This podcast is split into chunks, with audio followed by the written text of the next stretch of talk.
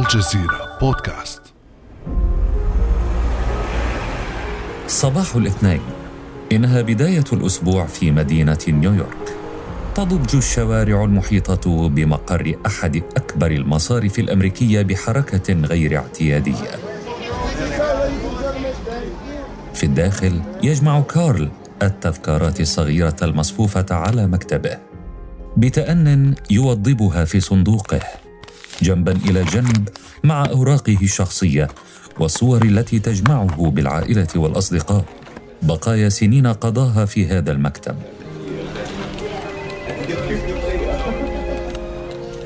يطل من النافذة فيرى جمهرة من الصحفيين وسيارات البث المباشر والكاميرات. يعود أدراجه وينظر عبر الزجاج إلى زملائه. يجمع هؤلاء حاجياتهم في صناديق كرتونية. بعضهم يتبادل الكلام وبعضهم الآخر يلملم حاجياته بصمت. يهم كارل بإغلاق مكتبه للمرة الأخيرة. يتنبه لصورة نسيها وحيدة على الجدار تجمعه بمديره وزملائه. يفكر للحظة بأخذها ثم يتركها ويسير في الأروقة حاملا صندوقه ملامح الخيبة ترتسم على وجوه كل من يلتقيه من الموظفين. لقد صاروا عاطلين عن العمل. أمام المدخل يحدق للحظات بالخارجين حاملين صناديقهم الممتلئة والداخلين مع صناديقهم الفارغة. ما هي إلا لحظات حتى يلفظه الباب الأوتوماتيكي الدوار خارج مبنى مصرف ليمان براذرز للمرة الأخيرة. يسير الرجل الأربعيني مطرقا. يحث الخطى ليبتعد عن ضجيج الصحفيين والفضوليين. فجأة ينقض عليه صحفي بكاميرته ويسأله كيف تشعر؟ فترتسم ابتسامة صفراء على وجه كارل. ويسير مبتعدا. يكمل سيره مضطربا دون أن يملك أي فكرة عن شكل مستقبله. حاله في ذلك كحال نحو خمسة وعشرين ألف موظف آخر.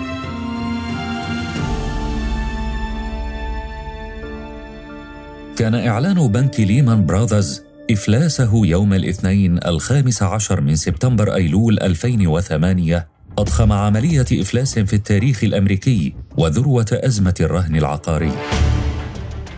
الأزمة التي توصف بأنها الأسوأ في الولايات المتحدة منذ الكساد الكبير.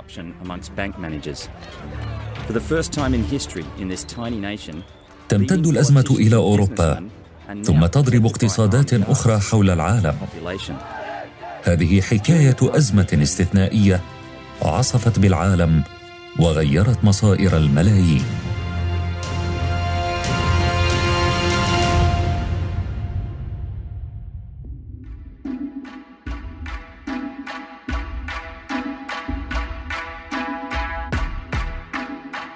أهلا بكم في هذه الحلقة من بودكاست لحظة من الجزيرة بودكاست في الموسم الخامس.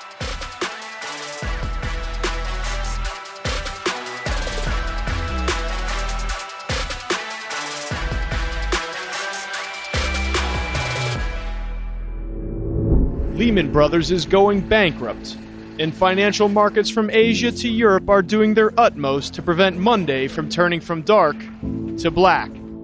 جورج بوش ولليوم الثاني على التوالي ظهر لمحاولة التخفيف من هلع الأمريكيين إن عملية تحسن الاقتصاد ستكون تدريجية وستتطلب بعض الوقت إلى حين تطبيقها عاشت البنوك الأمريكية سنين ذهبية مطلع القرن الواحد والعشرين. اتبعت طرقا غير مألوفة سمحت بمراكمة الأرباح وتحقيق مكاسب ضخمة. أعمى إغراء الربح السريع البنوك والمستثمرين عن رؤية المخاطر. بعد سنوات قليلة سيفجر ذلك أزمة الرهن العقاري لتتبعها الأزمة الاقتصادية العالمية عام 2008 قبلها بسبع سنوات خفض مجلس الاحتياطي الفيدرالي الأمريكي الفوائد على القروض إثر الأزمة التي ضربت سوق البورصة. تشجعت المصارف على التوسع في منح القروض السكنية وانجذب العملاء للاقتراض. ثلاث سنوات رائعة. حتى بدأت الأرباح بالتضاؤل عام 2004 كان معظم القادرين على تحمل كلفة القروض السكنية قد أخذوها بالفعل. صار لزاما على البنوك البحث عن مورد جديد للربح. سيظهر الحل سريعا. التوسع في الإقراض ليشمل ذوي الدخل المحدود مع فرض فوائد عالية عليهم.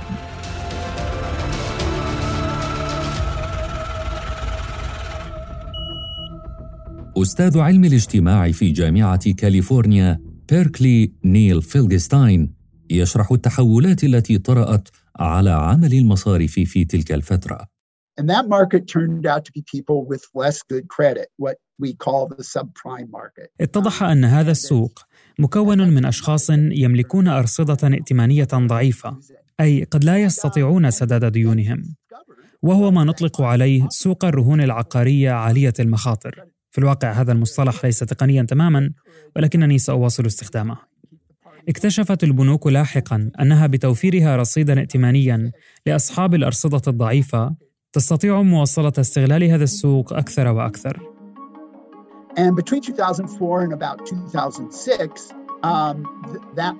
بين عامي 2004 و2006 صار هذا السوق الوجهة الأولى للبنوك. ذهب الجميع إلى سوق الرهن العقاري وكان من أهم ما اكتشفوه في الرهون العقارية عالية المخاطر أنهم يستطيعون فرض المزيد من الرسوم على القروض المعطاة للعملاء ليراكموا بهذه الطريقة المزيد من الأرباح. And then they could charge them a slightly higher interest rate, which meant when they packaged them into securities. استطاعوا رفع معدلات الفائدة بنسب بسيطة، ما يعني أنهم عندما يحولون هذه الرهون إلى سندات مالية يحققون نسب فائدة أعلى. حينها أدركت البنوك أن سوق الرهون العقارية عالية المخاطر التي لم تبدو ظاهرة مهمة للوهلة الأولى باتت فجأة فرصة جيدة للغاية. تدافعت البنوك الأمريكية لتوريق الرهون العقارية أي إلى تحويلها من أصول إلى أوراق مالية يمكن تداولها. احتفظت بجزء منها وباعت معظمها لصناديق استثمار ومستثمرين ومصارف محلية وأوروبية. انضمت شركات التأمين للفقاعة الناشئة بعد أن راحت تبيع المستثمرين في أوراق الرهن العقاري بوالص تأمين تغطي بموجبها قيمة السندات في حالة إفلاس البنك أو عجز صاحب العقار عن السداد. كانت الفقاعة تكبر مع الارتفاع المستمر في أسعار المنازل. في الفترة نفسها وتحديدا في عام 2006 تقرر جوليا وزوجها لاري شراء منزل في فلوريدا. جميع معارفهم سبقوهم للحصول على قرض سكني. يعقد الزوجان العزم على شراء بيت متواضع يتناسب مع دخلهما، لكن ذلك لا يعجب سماسرة السوق. السماسرة وموظفو البنك وحتى المستشارون الماليون يجهد الجميع بإقناعهما للحصول على قرض أكبر لبيت أوسع. بعد تفكير يقتنع الزوجان ويوقعان العقود. خلال الأشهر الأولى تسير الأمور على خير ما يرام. مستقبل واعد يرتسم في الأفق لجوليا ولاري وتحت سطوة إحساس غامر بالتفاؤل يقرران إنجاب طفل آخر.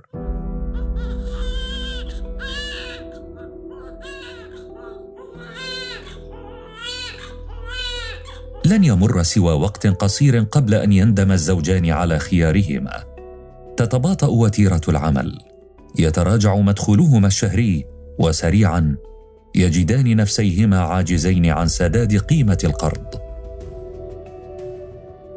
يضطر لاري للاقتراض من والدته ليسدد دفعة القرض وغرامة التأخير. في الشهر الثاني يعجز الاثنان مجددا عن السداد. قبل أن يكتمل الشهر الثالث تستيقظ جوليا صبيحة أحد الأيام فلا تجد لاري. لقد هرب. أخذ ما تبقى من مال وتركها وحيدة مع طفلة صغيرة وأخرى اقترب موعد ولادتها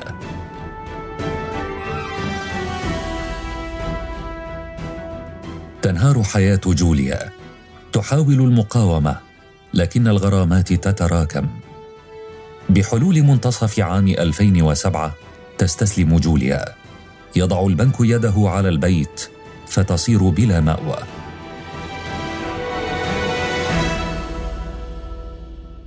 لقي كثير من الأمريكيين المصير ذاته بعد تعثرهم في سداد قروض السكن. لاسترداد أموالها أخذت المصارف تستحوذ على البيوت وتبيعها عام 2007 ارتفعت نسبة البيوت المعروضة للبيع في الولايات المتحدة 75% مقارنة بالعام السابق. انقلب حال السوق خلال مدة قصيرة.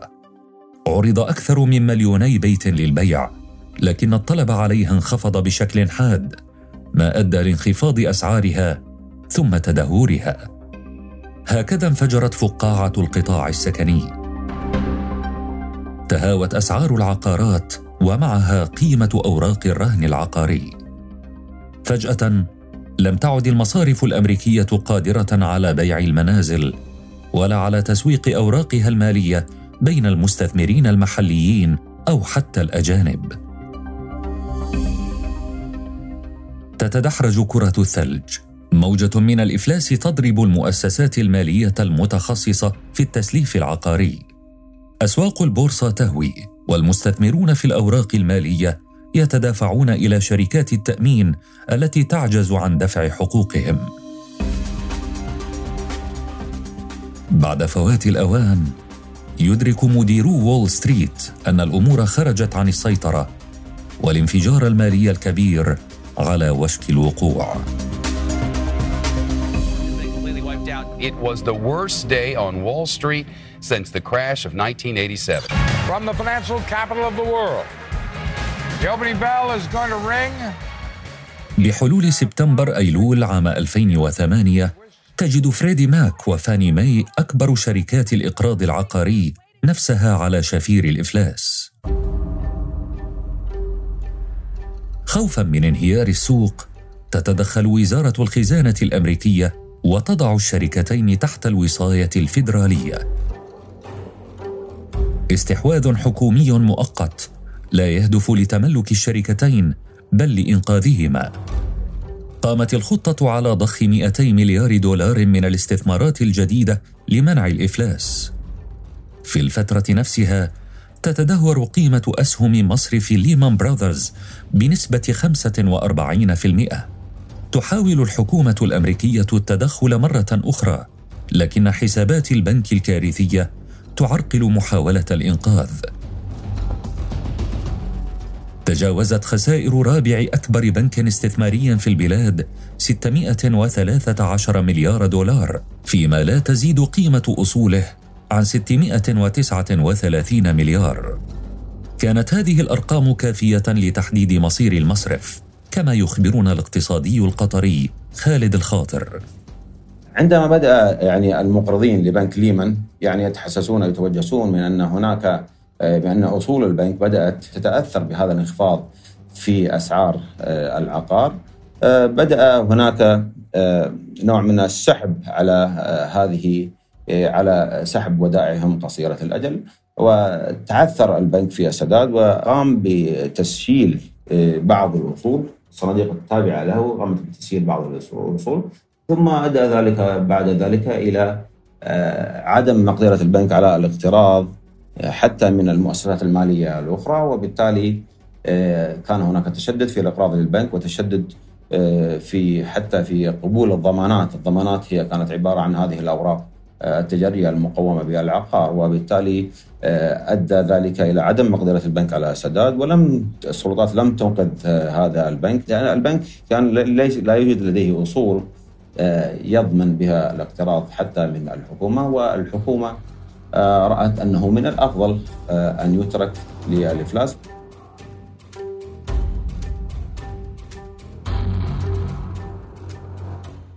بإعلان ليمان براذرز الإفلاس في منتصف سبتمبر أيلول 2008 دق ناقوس الخطر ودب الذعر في المؤسسات المالية خشية ملاقاة المصير نفسه Employees of America's fourth largest investment bank saw the writing on the wall late Sunday after talks to pull them back from the abyss collapsed. كالنار في الهشيم ضربت الأزمة مختلف القطاعات الاقتصادية في الولايات المتحدة هنا ارتفعت درجة المخاطر وحالة عدم اليقين على المستقبل.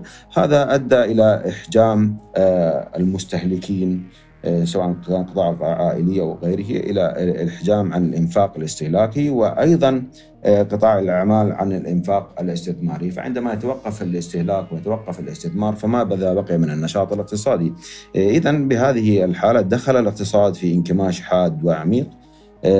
في عام 2008 وعام 2009 انخفض معدل النمو الاقتصادي في عام في أواخر عام 2008 ب 5.5% تقريبا وستة ونص تقريبا في العام التالي في عام 2009 وهو الأسوأ منذ الحرب العالمية الثانية. يعني هذا انكماش عميق. ارتفع معدل البطالة إلى 10% والنمو العالمي أيضا انخفض في تلك الفترة بنفس النسبة بنسبة 6.4% في عام 2008 مستثمرون من كل أنحاء العالم تورطوا في سوق الرهن العقاري لذا تمدد انفجار الفقاعة في كل مكان. ما إن بدأت الأزمة في الولايات المتحدة حتى علت الصرخة في كبرى الدول الأوروبية من تبعاتها. We're down 9% today. The Xetra DAX over in Frankfurt is down by 9%. The Paris market down by 9%. Austria, which was briefly suspended earlier on in the day, is down by nearly 11%.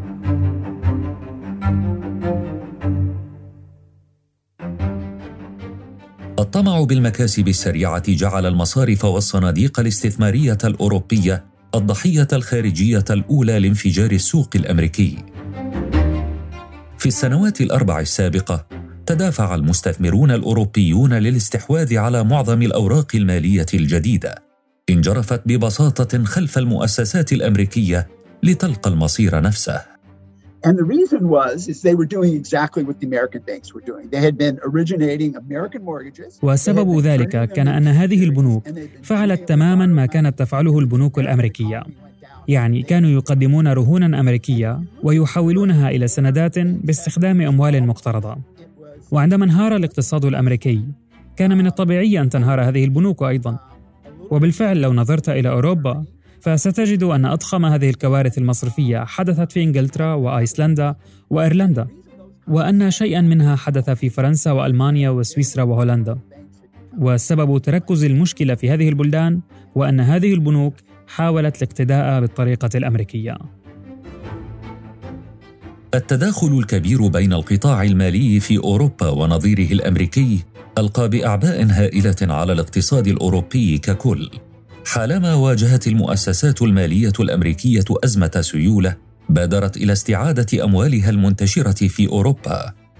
خلق ذلك سلسلة من المضاعفات الصعبة التي ألقت بظلالها على دول الاتحاد الأوروبي.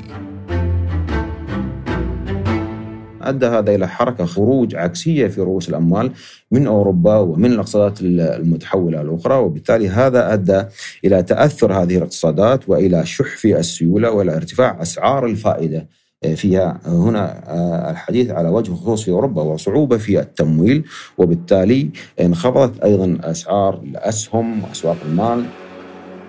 كما تتداعى حجارة الدومينو راحت المؤسسات والشركات تتهاوى.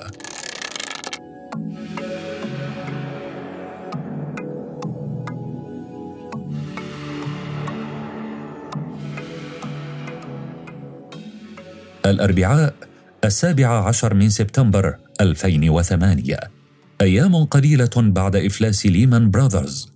الأسواق المالية تواصل الانكماش والشركات المالية الكبرى على وشك الانهيار. الأخبار السيئة تتوارد طوال الصباح إلى رئيسة مجلس النواب الأمريكي نانسي بيلوسي. تقرر الدعوة لاجتماع عاجل بين القيادة السياسية ووزير الخزانة الأمريكية هنري بولسون.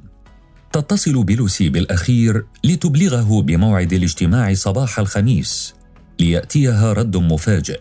صباح الغد سيكون الأوان قد فات. تنقل بيلوسي الاجتماع إلى مساء اليوم نفسه.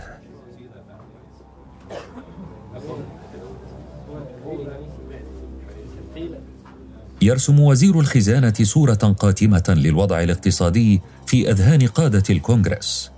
رئيس الاحتياطي الفيدرالي الأمريكي بين برنانكي يحذر من احتمالية دمار الاقتصاد الأمريكي خلال أيام.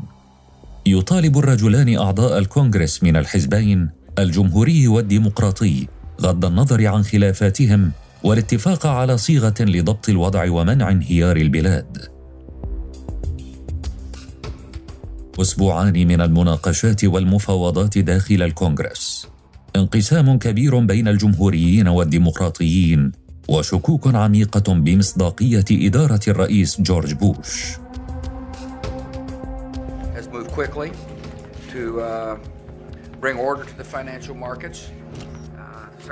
مطلع أكتوبر تشرين الأول عام 2008 أقر مجلس الشيوخ أخيرا خطة إنقاذ مالي للمؤسسات المالية والصناعية الأمريكية بكلفة 700 مليار دولار. هدف وزير الخزانة في مشروعه إلى محاصرة الأزمة في القطاع المالي ومنع تمددها إلى القطاعات والشركات الأخرى.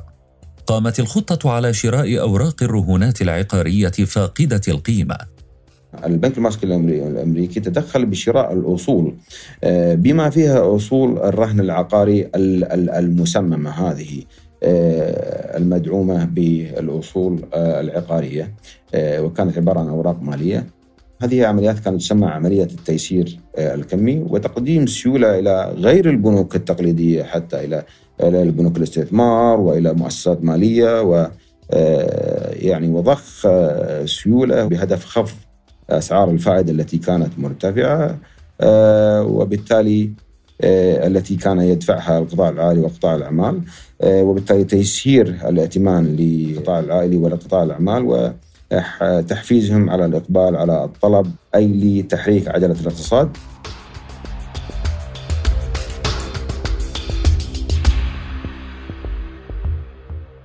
بعد عشرة أيام فقط تبنى قادة مجموعة اليورو خطة مشابهة لإنقاذ الأسواق المالية الأوروبية يعني آه، المعالجات في في أوروبا كانت مماثلة لما تم في أمريكا، هناك عمليات مبادلة الأصول الرديئة مقابل الأصول ذات جودة عالية من قبل الحكومات، وكان هناك ضخ رؤوس أموال آه، وإعادة رسمله للبنوك المتأثرة، وكان هناك خفض آه، قوي لأسعار الفائدة وضخ للسيولة من قبل البنوك المركزية في هذه الدول. هدف التدخل الحكومي لمنع انهيار الاقتصادين الأمريكي والأوروبي. خلفت الأزمة آثارا امتدت لسنوات وسرعان ما تمددت من قارة إلى أخرى. ربيع عام 2009 يستيقظ تاكيهيرو باكرا.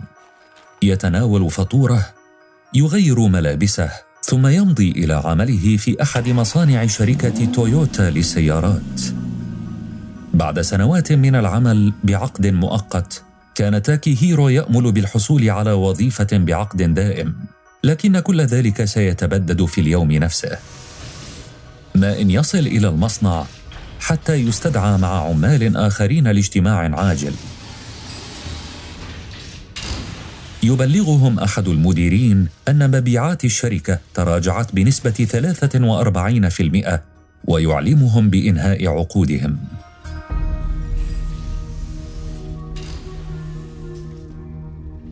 بعد ستة أشهر على اندلاعها وصلت تبعات الأزمة المالية إلى القطاعات الاقتصادية والصناعية في شرق آسيا. كان تاكي هيرو واحدا من عشرات الآلاف من العمال ممن خسروا وظائفهم في تلك الفترة نتيجة لتراجع الصادرات.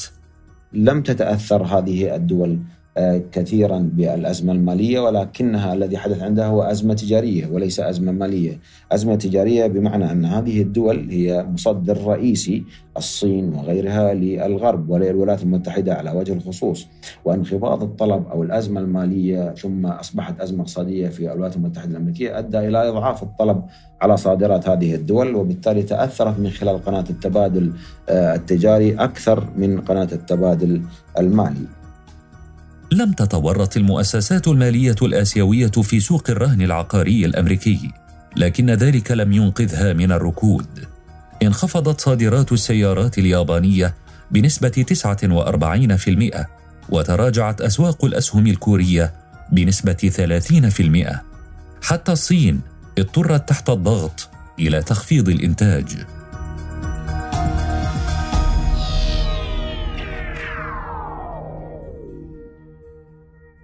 في عالم متشابك ومترابط على المستويات المالية والاقتصادية المختلفة تعولمت الأزمة ووصلت آثارها إلى منطقتنا العربية. تأرجح مؤشر داو جونز في تعاملات الثلاثاء طوال خريف عام 2008 تنشغل وسائل الإعلام في العالم العربي بتتبع تطورات الانهيار المالي في أمريكا. من أمام شاشة التلفزيون في بيتها في بيروت تحاول خديجة أكثر من مرة متابعة أخبار الأزمة والاستماع إلى تحليلات الخبراء الاقتصاديين.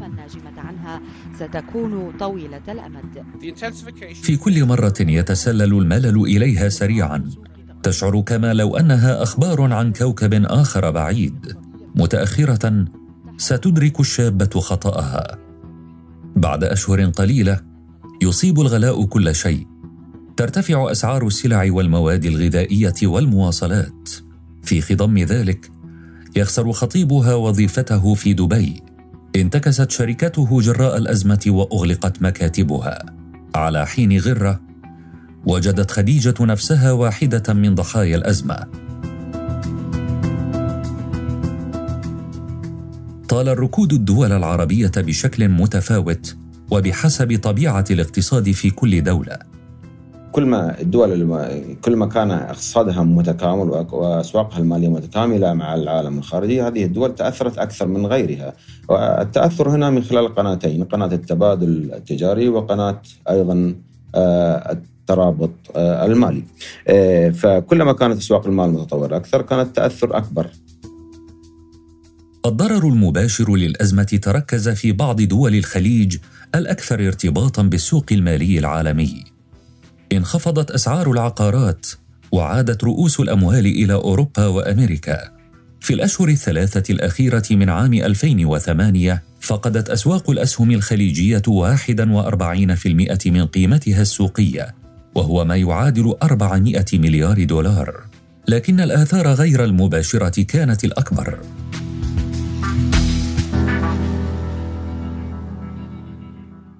الركود الاقتصادي العالمي خفض الطلب على النفط. تدهورت الأسعار. انهار سعر البرميل في أشهر قليلة من 140 إلى 40 دولارا. عانت دول تعتمد على الإيرادات النفطية مثل الجزائر وليبيا من دون أن تكون مرتبطة مباشرة بالسوق المالي العالمي. طالت الأزمة الجميع من دون استثناء. مصر والمغرب وتونس تأثرت بانخفاض الإيرادات السياحية. في لبنان والأردن تراجعت تحويلات العاملين في الخارج. رغم ذلك يرى خالد الخاطر أن آثار الأزمة ظلت محدودة مقارنة بأماكن أخرى من العالم. من حسن الحظ أن الدول العالم الثالث يعني لم تكن آه، متأثرة بشكل آه، مباشر. ما الذي حدث هو أن هناك تأثير أتى من خلال أسواق المال وربما قنوات التبادل التجاري بالنسبة لدول مجلس التعاون انخفاض أسعار النفط. لا أعتقد أن هناك تأثير كبير على الشخص العادي في الدول العربية يعني الدرجة أن نحن نقول أنها أثرت على حياتهم بهذه الطريقة. تفاوتت الخسائر من مكان إلى آخر لكن الجميع نال حصته من الأزمة وارتداداتها. على امتداد رقعة الكرة الأرضية تدهورت حياة عشرات الملايين من الناس. قفز عدد الأفراد ممن يعيشون بأقل من دولار واحد في اليوم من 40 مليونا إلى 100 مليون شخص.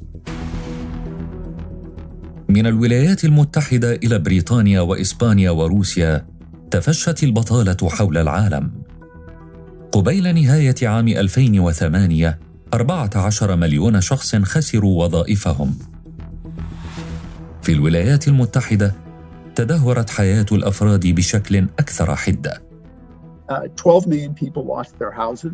خسر 12 مليون إنسان منازلهم بسبب عدم قدرتهم على تسديد الدين. It was about 15% of all homeowners lost their homes. Uh, أي أن 15% من مالكي المنازل خسروا منازلهم نتيجة لكل ذلك. وحاولوا أن تتخيلوا في أي مكان في العالم لو أن فجأة 15% من مالكي المنازل خسروا منازلهم. هذا ليس شيئا إيجابيا بالطبع، بل هو خسارة مخيفة، وكان لذلك تأثير ضخم على ثرواتهم.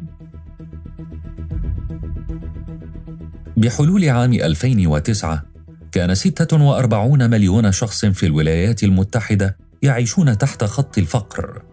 ربع الأسر الأمريكية فقدت أكثر من 75% من ثروتها جراء الأزمة. عملية التعافي لم تكن سهلة واحتاج الاقتصاد إلى سنوات لتجاوز التداعيات. Ironically, um, in America, um, it, it, it was overcome more quickly. ولعل المضحك في كل ذلك أن أمريكا استطاعت تجاوز هذه الأزمة في وقت أقصر. وأحد أسباب ذلك هو وجود محفزات ضخمة. مع ذلك بقي الاقتصاد في حالة يرثى لها لفترة طويلة. وبرأيي لم يتعافى تماما من هذه الأزمة حتى عام 2016 وحتى ذلك الوقت كانت عجلة الاقتصاد الأمريكي تدور ولكن دون تقدم حقيقي.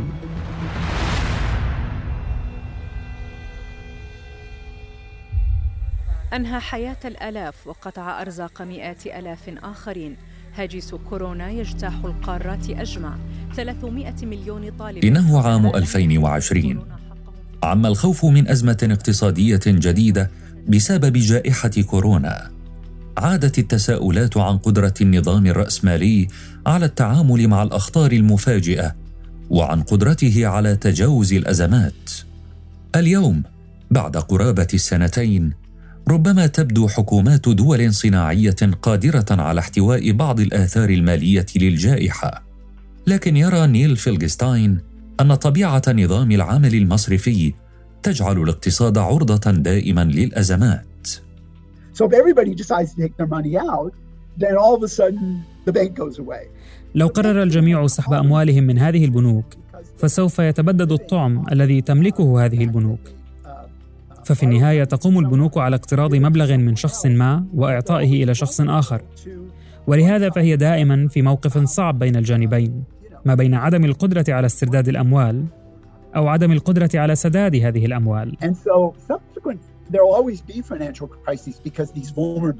الاموال وفي الحصيلة سيكون هناك دائما أزمة مالية لأن هذه الثغرات موجودة دائما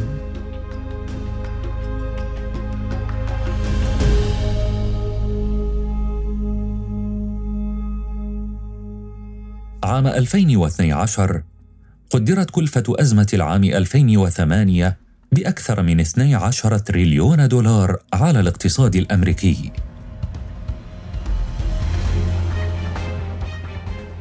تحملت العائلات الفقيرة والمتوسطة الحال العبء الأكبر من الكلفة، فيما استفادت البنوك والشركات الكبرى من الدعم الحكومي.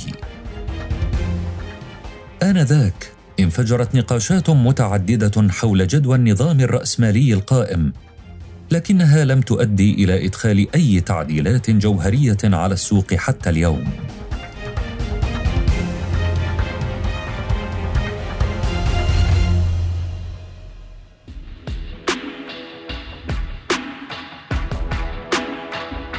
ستتسبب الطبيعة الرأسمالية للنظام الاقتصادي بأزمات مستقبلية مماثلة للأزمة المالية العالمية أم أن هذا النظام قادر على تطوير نفسه وتجاوز العقبات؟ شاركونا آراءكم في التعليقات عبر منصات الجزيرة بودكاست. في الحلقات المقبلة من بودكاست لحظة سنحكي لكم عن لحظات مفصلية أخرى من تاريخ منطقتنا والعالم.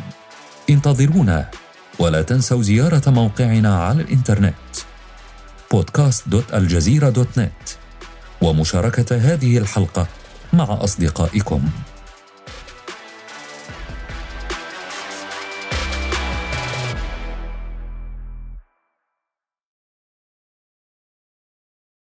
إلى اللقاء.